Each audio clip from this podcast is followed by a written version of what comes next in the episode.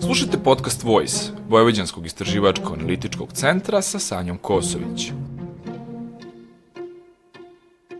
Ona će sa autorima i autorkama pričati kako izgleda put od pronalaska do samog objavljivanja priče. Saznaćete sa kakvim izazovima se novinari i novinarke suočavaju kako bi radili u interesu građana, a donosimo vam priče kojima ste vi, naši čitaoci, pružili najviše pažnje.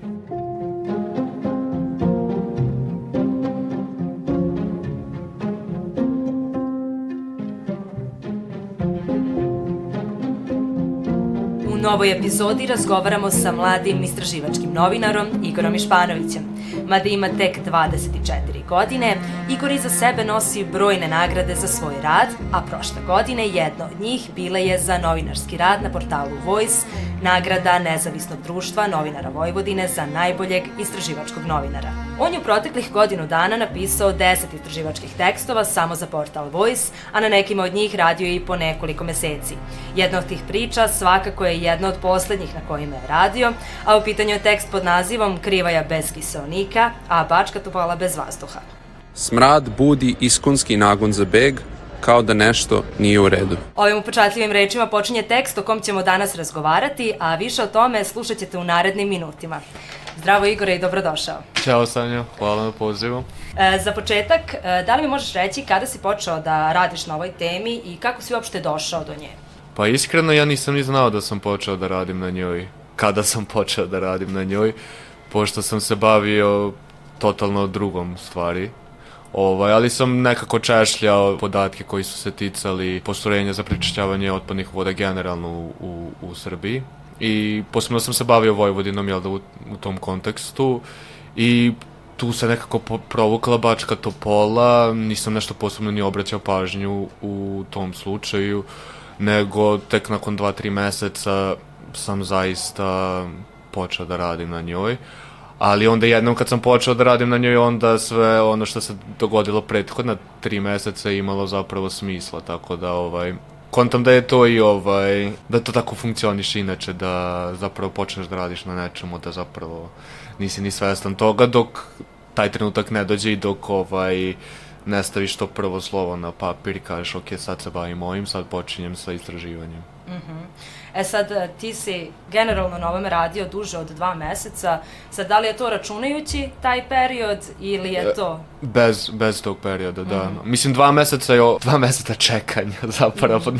Nije toliko rada koliko je čekanja, zato što ovaj, čitav taj proces prođe u slanju zahteve i u čekanju nekih odgovora. Mm. Mislim, jeste to rad i zato je, zato je dobro da uvek otvoriš nekoliko priča pa da paralelno dok na primjer, čekaš odgovor od jedne institucije, radiš na nečemu drugom, sastavljaš jedan zahtev, razgovaraš sa sagovornicima i tako dalje. Mhm. Mislim, s obzirom na kompleksnost teme, s obzirom da baš je specifično, baš je, baš je nešto što je stručno i meni je bilo potrebno vreme da bih se upoznao sa svim tim, e, ne samo kako bih ja razumao, nego kako bih mogao da napišem razumljivu priču, zato što to nije nešto uh, što će na prvu loptu privući nekome pažnju i kažem više je bilo do neke do nekog osjećaja odgovornosti da ja moram da posvetim dovoljno vremena tome da bih prvo mogao da prenesem tu priču kako treba. Ja sam novinar, ja sam univerzalna neznalica, ja sam morao ovaj, da budem tri puta, ovaj, pet puta sigurniji u one podatke koje objavim nego, nego, nego što bih inače. Tako da to su, to su ta dva meseca zapravo rada i više proveravanja i svega ostalog. To ti je gradska deponija rešena tako da ulazi ukrivaju. A što se ne sanira taj deo? E, na početku samog podcasta čuli smo reči Petra Červenaka, koji je i meštanin i aktivista iz Bačke Topole.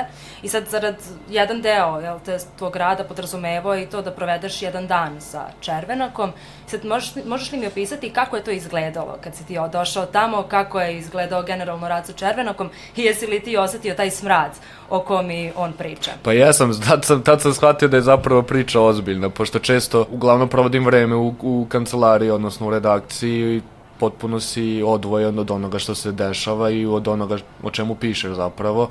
I onda jedva čekaš taj trenutak kada zapravo možeš da izađeš na teren i kada možeš da osetiš šta je to o čemu pišeš, ko su ti ljudi koji govore u tvom tekstu i čiji su ono životi, čije je okruženje direktno pogođeno tim nekim problemom kao u ovom slučaju ovaj smrad koji dolazi iz tih otpadnih voda ovaj industrije u Bačkoj Topoli tako da kažem teren je bilo nešto što sam jedva dočekao u, u tom smislu Vidi da smeće dokle ulazi do krivaja. Vidiš sad se vidi? Čekaj, možda niže. Vidiš da je ti krivaja. Ono ti je smeće sa deponije već zazeljeno, sve se sliva u krivaju. kako smo, ne znam, mi smo se spuštali do tog prečistača i ja sam izašao iz ovaj džipa kojim smo se vozili i bio je čini mi se da je bio neki kraj novembra pa je još bilo onako hladnjikavo i bilo je baš baš onaj studeni vetar duvo i tačno osetiš kako ovaj nanosi taj smrad i ne možeš da ne, ne odreaguješ ovaj na, na neki način poprilično ono iznena, iz, iznenadite što nešto tako nešto postoji, ali ovaj više ono kao kad kažeš nešto onda postaje realno, tako i ovde kad osetiš nešto, u konkretnom slučaju taj smrad postaje, postaje stvaran. I ono što je takođe sad opet vrtim se oko tog smrada, ali zaista je bilo meni je bilo na primjer potrebno da e, da napravim taj korak van, to jest korak napred van tog smrada, zato što teško, teško je dokazati to kao problem. teško je nekome ob- objasniti zašto smrad jeste problem.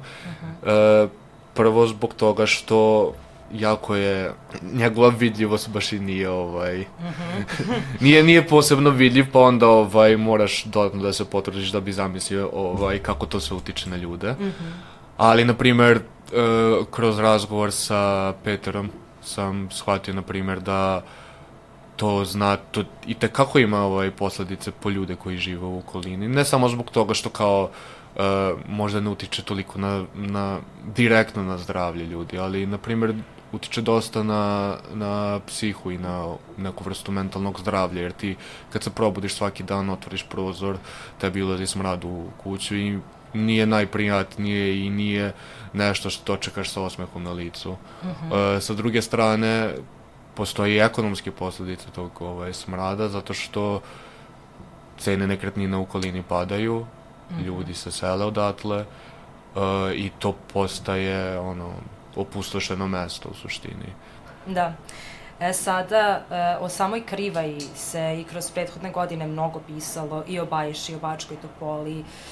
I zanima me, e, mislim samim tim što si radio na ovoj priči, čitao si mnogo o tome ranije i sve.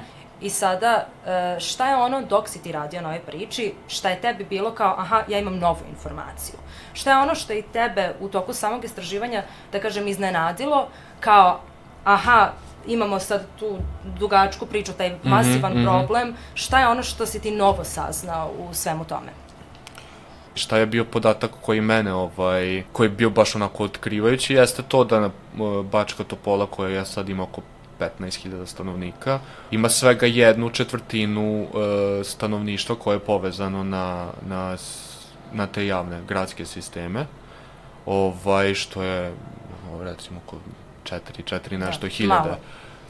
Sa druge strane, prečistač koji se koji je sad već izgrađen i koji je na probnom ovaj, koji je u fazi probnog rada. On je prva faza prečistača uh, bi trebalo da funkcioniše po kapacitetu od 8 do 10 hiljada zajedno sa tom industrijom koja koja je najveći zagađivač u tom, u tom naseljenom mestu. I onda postoji, jel da tu ta nesrazmera u brojevima, kako će da funkcioniše taj prečistač ako kapacitet skoro duplo prevazilazi potrebe, trenutne potrebe ovaj, Bačke Topole, a sa druge strane imamo te industrije koje su odbile da se priključe na taj sistem. Ovaj, zbog čega su odbile? Zato što ovaj, prvi prva poteškoća jeste to što su njihove otpadne vode drugačije od komunalnih, pa bi onda prečistač mora da bude mnogo moderniji, mnogo savremeniji što se tiče opreme, da bi prvo mogao da proči, pr, pročisti sve to što izlazi iz industrija.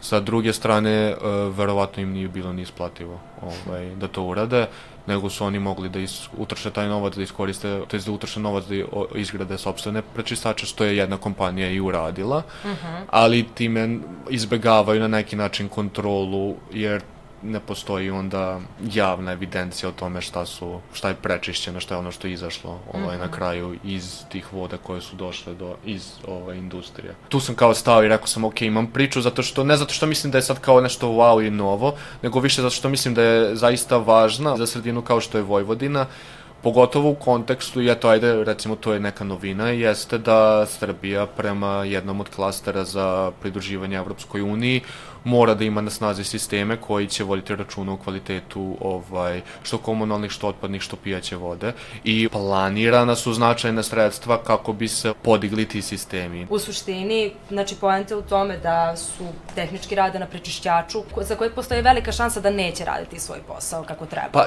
ili ra radit će on, pošto možda postoji tehnologija koja će mu omogućiti da funkcioniše u tako fleksibilnom sistemu, ali opet problem jeste zašto se troši 600 i nešto miliona dinara na investiciju koja je suštinski, ne kažem nepotrebna, ali je prevazilazi potrebe mm -hmm. ljudi koji žive to da. mesto. Mo, kažem, A ne ulaže se u ono što je zaista potrebno, kao što recimo kanaliz... ono, taj pa, kanalizacioni da. sistem. Da, da, da, tako je. E sad, e, ja pretpostavljam da se ti sva ova pitanja poslao, mislim ovo sad što si i meni rekao, da si, da si se ti obratio i opštini Bačkoj Topoli. Kako je to prošlo i šta si ti njih pitao tačno? Ja sam pokušao da ih kontaktiram, pokušao sam da dobijem odgovore na neka pitanja nakon što sam imao u vidu tu projektnu dokumentaciju. Nije mi ništa pristiglo. Kada sam pokušao da, na primjer, zabeležim neke informacije, nije mi bilo zabranjeno ovaj, mm -hmm da zabeležim neke informacije, ali je bilo izgovora zbog kojih kao ja ne treba to da radim. Koji su to bili izgovori? Pa izgovor je bio da je projektant, to jest da je tim koji je projektovao ovaj, prečistač, da su oni rekli da Bačka Topola ne sme da deli podatke. Ovaj, ok, mislim, možda jeste tako, možda i nije, ne bih da ulazim u to, ali često se dešava, često se ponavlja taj obrazac da lokalne samouprave, iako ti izađu u susret sa davanjem na uvid određenih dokumenta, ti ne dozvole da zabeležiš informacije koje su tebi bitne ili da, na primjer, samo fotografišeš one strane koje, koje bi iskoristio ovaj, u tekstu, kažem, nije, nije mi prvi put, tako da ovaj, to je već nešto što se ponavlja često, mm -hmm. ovaj, pa moram da isfinanciram. Tako da slobodan, za, slobodan pristup informacijama od javnog značaja nije toliko slobodan, pošto moraš da isfinanciraš i ovaj, putne troškove i sve ostalo što dolazi ovaj, sa tim. Ali, mislim, meni je žao na kraju krajeva, zato što ne dobiješ uh, neko, ne, ne, neko objašnjenje od strane onih koji, koji su zaduženi da, da upravljaju ovaj, tim mm -hmm. Mestom ili tom opštinom. Da. Do, ali, na primjer, sa druge strane, paradoksalno je bilo to što sam ja zapravo uspeo kroz normalno da razgovaram sa projektantom, tako da ja nisam imao tu barijeru sa njegove strane. Tako da na kraju ispada čudno što, ovaj, što je meni, mislim, kažem opet, dozvolili su oni meni na kraju posle sat vremena moljakanja da ja fotografišem ono 6-7 stranica i to mm -hmm. tako da ja pokažem koje ću stranice da fotografišem, ali opet to jeste neki napor koji kroz koji ne moraš nužno da prolaziš, niti bi trebalo ovaj. Da. Uh, a sa samim tim, šta si, ti, šta si ti video tim uvidom u dokumentaciju? Šta je ono što je bilo recimo zanimljivo u svemu tome? U toj papirologiji? Pa tako sam i došao do informacije o tome koji su kapaciteti planirani mm -hmm. i uporedio sam to ovaj, sa, sa demografskim ovaj, podacima za Bačku Topolu i onda sam video da šta je ono što se planira, jer ono što sam ja mislim što sam gledao jeste bilo idejno rešenje mm -hmm. i koje je bilo korigovano na kraju. Mislim, korigovano u određenoj meri, ali nije, uz, nije promenjeno toliko da bi zapravo se, na primjer, kapacitet spustio na neki ovaj, nivo koji bi, koji bi više funkcionisao u odnosu na ovaj. Mm -hmm. e, tako da je to je, neko, to je nešto ono što mi je bilo potrebno, takođe bilo mi je potrebno da ko je bio projektant, ovaj, kako mm -hmm. bih mhm. mogao kasnije da, da se pozovem na tu osobu, odnosno na, tu, ovaj, na to pravno lice. Ali da, bilo je iznenađujuće to sam ovaj, shvatio kasnije kroz ovaj razgovor sa, sa Goranom Nedićem koji je ovaj, radio to, to idejno rešenje. To je veliki problem opštine Bačka Topola. Oni u vreme kada je projektovano ovo postrojenje nisu mogli da dođe do nekog ovaj, rešenja. Ovaj, tako da je potpuno izbačena industrija iz, iz razmatranja. Jesu oni svesno ulazili u taj projekat sa time da su kapaciteti značajno veći nego što, nego što je neophodno. Tako da jer su zaista poredili ovaj, čak su uradili neka predviđanja kada je reč o populaciji i gde je primetan trend opadanja i taj trend opad, opadanja stanovništva se planira. Mm -hmm.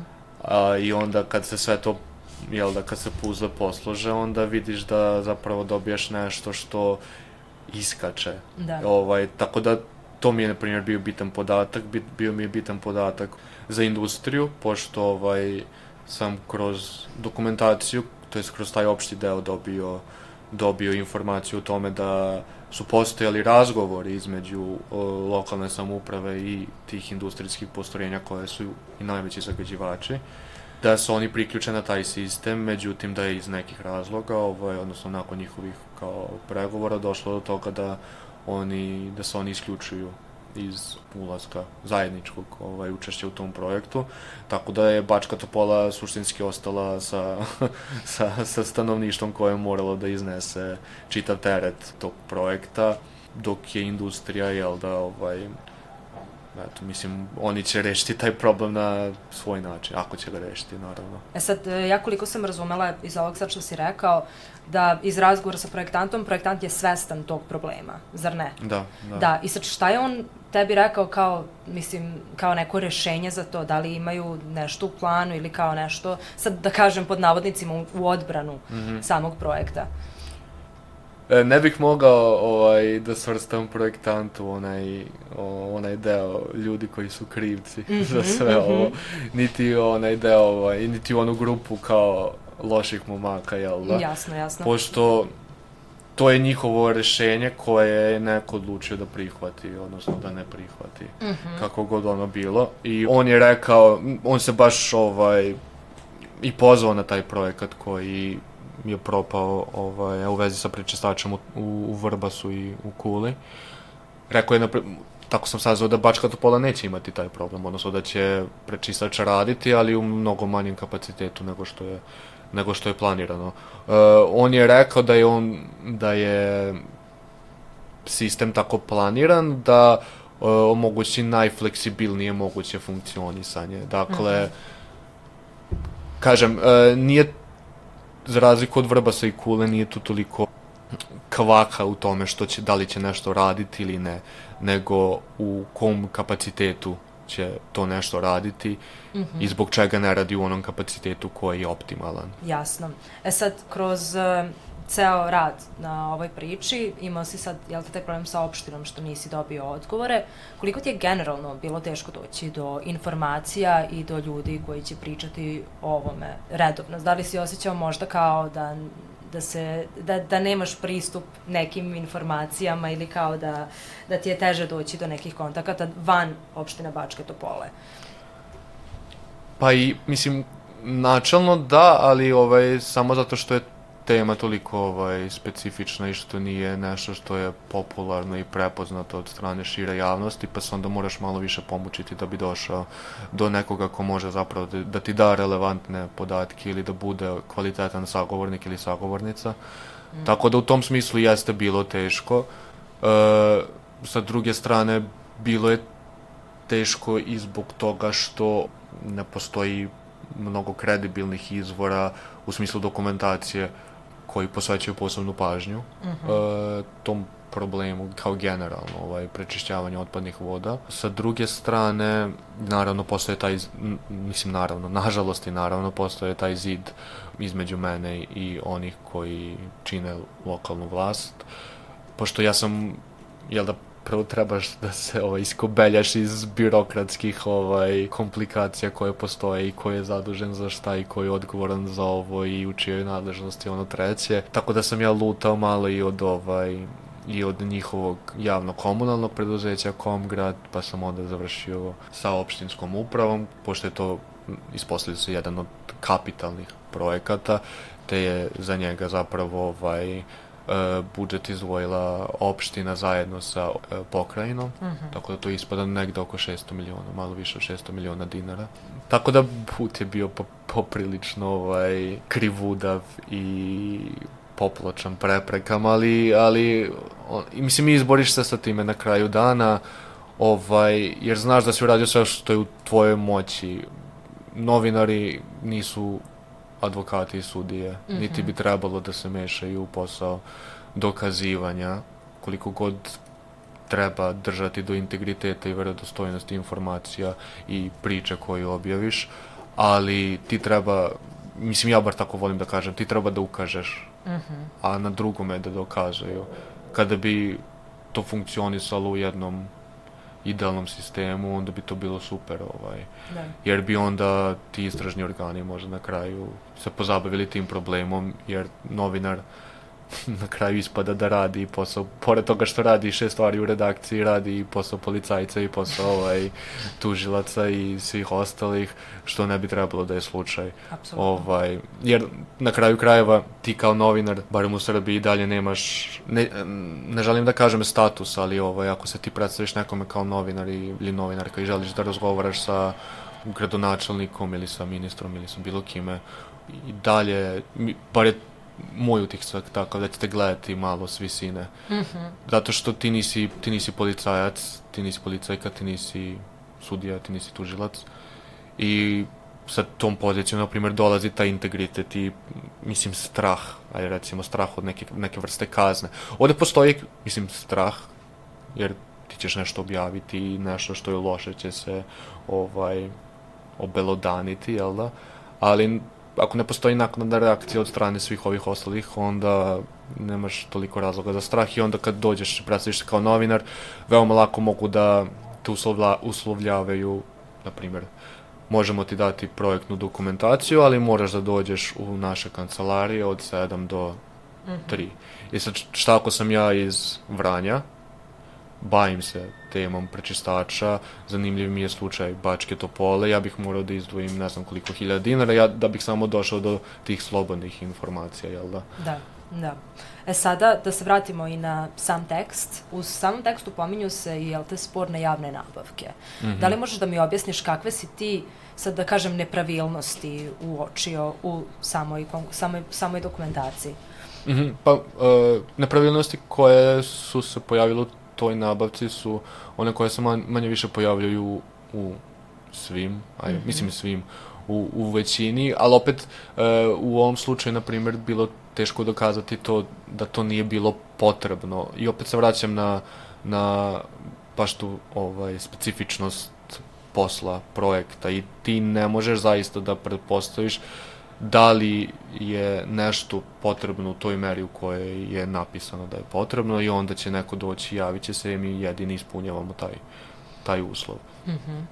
Uvek je, jel da, uvek je sporno kada, kada vidiš da postoji samo jedna ponuda i da je taj jedan ponuđač dobio na tenderu. Mm -hmm. A da, da napomenemo, ovde je ponuđač, mislim, onaj ko je dobio ponudu, između ostalog i energotehnika Južna Bačka, da. koja je i poznata po tome da često dobija Pa mislim, poznato ili ne, oni dobijaju pregršt javnih nabavki ovaj, mm -hmm. zajedno sa graditeljem, koliko mi se čini. Ok, mislim, kažem, javna nabavka kao takva ovaj, jeste bila sporna, ali nije zaista nešto što ne očekuješ, pogotovo kada su u pitanju ovako velike projekti. I, ali opet treba da, treba da se dodatno potrudiš da onda da tu nepravilnost učiniš bitnom, jer možemo mi uzeti ovaj, svaku drugu javnu nabavku i uočiti nešto što, što možda odskače ili što nije nije u skladu sa nekim propisima, ali ovaj onda bismo tako mogli ići u nedogled kao kad bismo pokušali da izdvojimo ko sve ovaj ko sve nalazi na poziciji vršioca dužnosti direktora u Srbiji, pa bismo onda došli do problema koji jeste problem, ali koji nije ništa novo kao korupcija. Tako da ovaj da bilo na primjer meni je ovaj u ovom slučaju na primjer bilo sporno to što su tražili da ponuđač ima sklopljenu, sklopljen ugovor, to je za posjedu ili ima sklopljen ugovor o saradnji sa nekom laboratorijom koja može da odradi sva ta ispitivanja koje su oni pritom naveli tamo. Što jeste nešto baš kao da li je to zaista potrebno i da li je, i ne samo da li je to potrebno, nego da li je to potrebno na taj način. E, druga stvar koja je meni, na primjer, privukla pažnju jeste to što e, se javna nabavka baš pisala za konzorcijum, odnosno za grupu ponuđača. Dakle, uvek se može postaviti pitanje na koje nikada ne dobijemo odgovor, ali kao da li je moglo jeftinije. Mm -hmm. Jer to je cilj javnih nabavki, da ti raspišeš poziv gde će se ono, javiti nekoliko pregršt ovaj, pravnih lica i gde ćeš ti aha, odrediti ova ponuda je dovoljno povoljna, ali opet dovoljno kvalitetna. I onda u ovom slučaju ja sam postavio pitanje da li bi bilo jeftinije da su oni rasparčali tu javnu nabavku i podelili je po partijama. I onda kažeš aha, okej, okay, jedna na, javna nabavka je za ovu vrstu poslova, druga javna nabavka je za ove radove, treća na, javna nabavka je za uh, elektroinstalacije ili i softver u prečistaču i onda ideš tako i onda dobiješ veću konkurenciju, jer to je cilj jel, da javnih nabavki, dobiješ veću konkurenciju i dobiješ ovaj, realnije ponude u odnosu na ovu koju su dobili. Jel da? Mm -hmm. Samim tim, što si ti u poslednjih godinu dana napisao 10 istraživačkih priča, što je zaista, zaista je mnogo kad se pogleda, skoro jedna priča mesečno, ono, ako ćemo tako gledati. Prvo, gde ti nalaziš inspiraciju za toliko tema? Kako ti dolaze teme? Kako, kako dobijaš ideje za teme? A drugo, kako uopšte svoje vreme organizuješ i same priče, rada tim pričama organizuješ? Uf, pa pazi, ovaj, vratit ću se ono na, što, o, na ono što sam rekao na početku. Ti ni ne znaš da počneš da radiš na nekoj priči, pa tako završiš da radiš na deset priča. Nešto ti je zanimljivo, ajde da pošaljem, da proverim. Dobit ćeš neki skroz nebitan odgovor, stavit ćeš to u fioku i nećeš se baviti tima posle ikada. Mm -hmm. Evo, upravo sam i danas stigao jedan odgovor. Ja zaista ne znam šta mogu da radim sa njim, stavit ću ga u neki folder, ako ikad budem izvukao ponovo, super, ako ne, nije prvi, nije ni poslednji put, Tako da da, ali opet to jeste neki imperativ u tom smislu uh, bavljenja istraživačkim novinarstvom, jer ti ako počneš, uzmeš najjednostavniji mogući zadatak koji ćeš ti uraditi u čitavom tom procesu, to jeste da ćeš poslati jedan zahtev. Institucija po zakonu ima pravo da ti odgovori u roku od 15 dana. Ako si ti tek na početku istraživanja i ono, potrebne su ti neke informacije da bi ti dalje mogao da kreneš, ti nemaš šta da radiš 14 dana. Onda ćeš krenuti da čačkaš nešto drugo, pa nešto treće, pa nešto četvrto, nešto peto i onda ovaj, jedan mesec ćeš se baviti malo više ovim, drugi mesec ćeš se malo više baviti nečim drugim i onda ovaj, se nekako, jel da sve se to nagomila u, u, u nekoliko priča koje objaviš nekad u krat, veoma kratkom ovaj, vremenskom periodu. Me isto desilo baš ovaj, sa, sa pričom za o, o Krivaj, zato što sam u decembru ovaj, objavio tri istraživačke priče. To ne znači da sam ja jedan mesec radio da bih objavio te tri priče, nego sam radio za krivaju, jel da, od leta do, ono, za neke druge, za neke druge su ti, je, ti je dovoljan jedan dokument što se opet desilo baš u decembru, pa onda ovaj, ti imaš nešto sa čim možeš da radiš. Za neku treću, opet ta, ta treća je bila neka informacija koju sam ja dobio, stavio sam je u fioku i ovaj, desilo se nešto novo i onda sam mogao samo da spojim ovaj, dva sa dva i dobio sam tu treću priču, tako da priče nastaju na raznorazne načine, e, nekad si vremenski ograničen, nekad si ograničen sredstvima, ali eto, jedna po jedna pa deset. Za kraj, samim tim što je sad nedavno i završeno predlaganje kandidata za godišnje nagrade na TNV-a opet, e, koliko tebi nagrade znače u samom radu? lagao bih ako bih rekao da mi ne znače. Ali znači, znači više u smislu nekog esnovskog priznanja gde ovaj, drugi ljudi vide da ti radiš kvalitetan i dobar posao. Nagrada kao nagrada, ok, mm -hmm. ovaj, potapšali su te po ramenu, ide, ideš dalje, ali je super kad dobiješ taj ma, mali ili veliki podstrek ovaj, da nastaviš da radiš to nešto dalje. Ovaj, ali opet nije, nije to nešto što je e, onaj definišući faktor koji utiče na moje dalje bavljanje ovaj novinarstvom u, u celosti, nego više je to više je to neki inat i upravo ta zagriženost ovaj gde ono meni nije teško da odvojim 2-3 sata posla posla da bih ovaj se pozabavio tom nekom bazom ili da bih ono lutao po, po Google i ovaj, po nekim random ovaj, internet stranicama. Kažem, ne bih da romantizujem, ali ovaj, u mom slučaju je tako, a nagrade su samo nešto što jako lepo dođe, dođe usput i ovaj, super ti kao mladom, mladom novinaru ili novinarki da, da imaš tu ovaj, platformu i, i da imaš tu odslučnu dasku gde mogu i drugi da, da te prepoznaju. Le, le, lepo znači, pogotovo kad si među svojima, ovaj, kad te tvoji prepoznaju, tako da nagrade su cool. nagrade su cool, ali, ali nisu presudne. Hvala ti mnogo. Hvala Igore. tebi.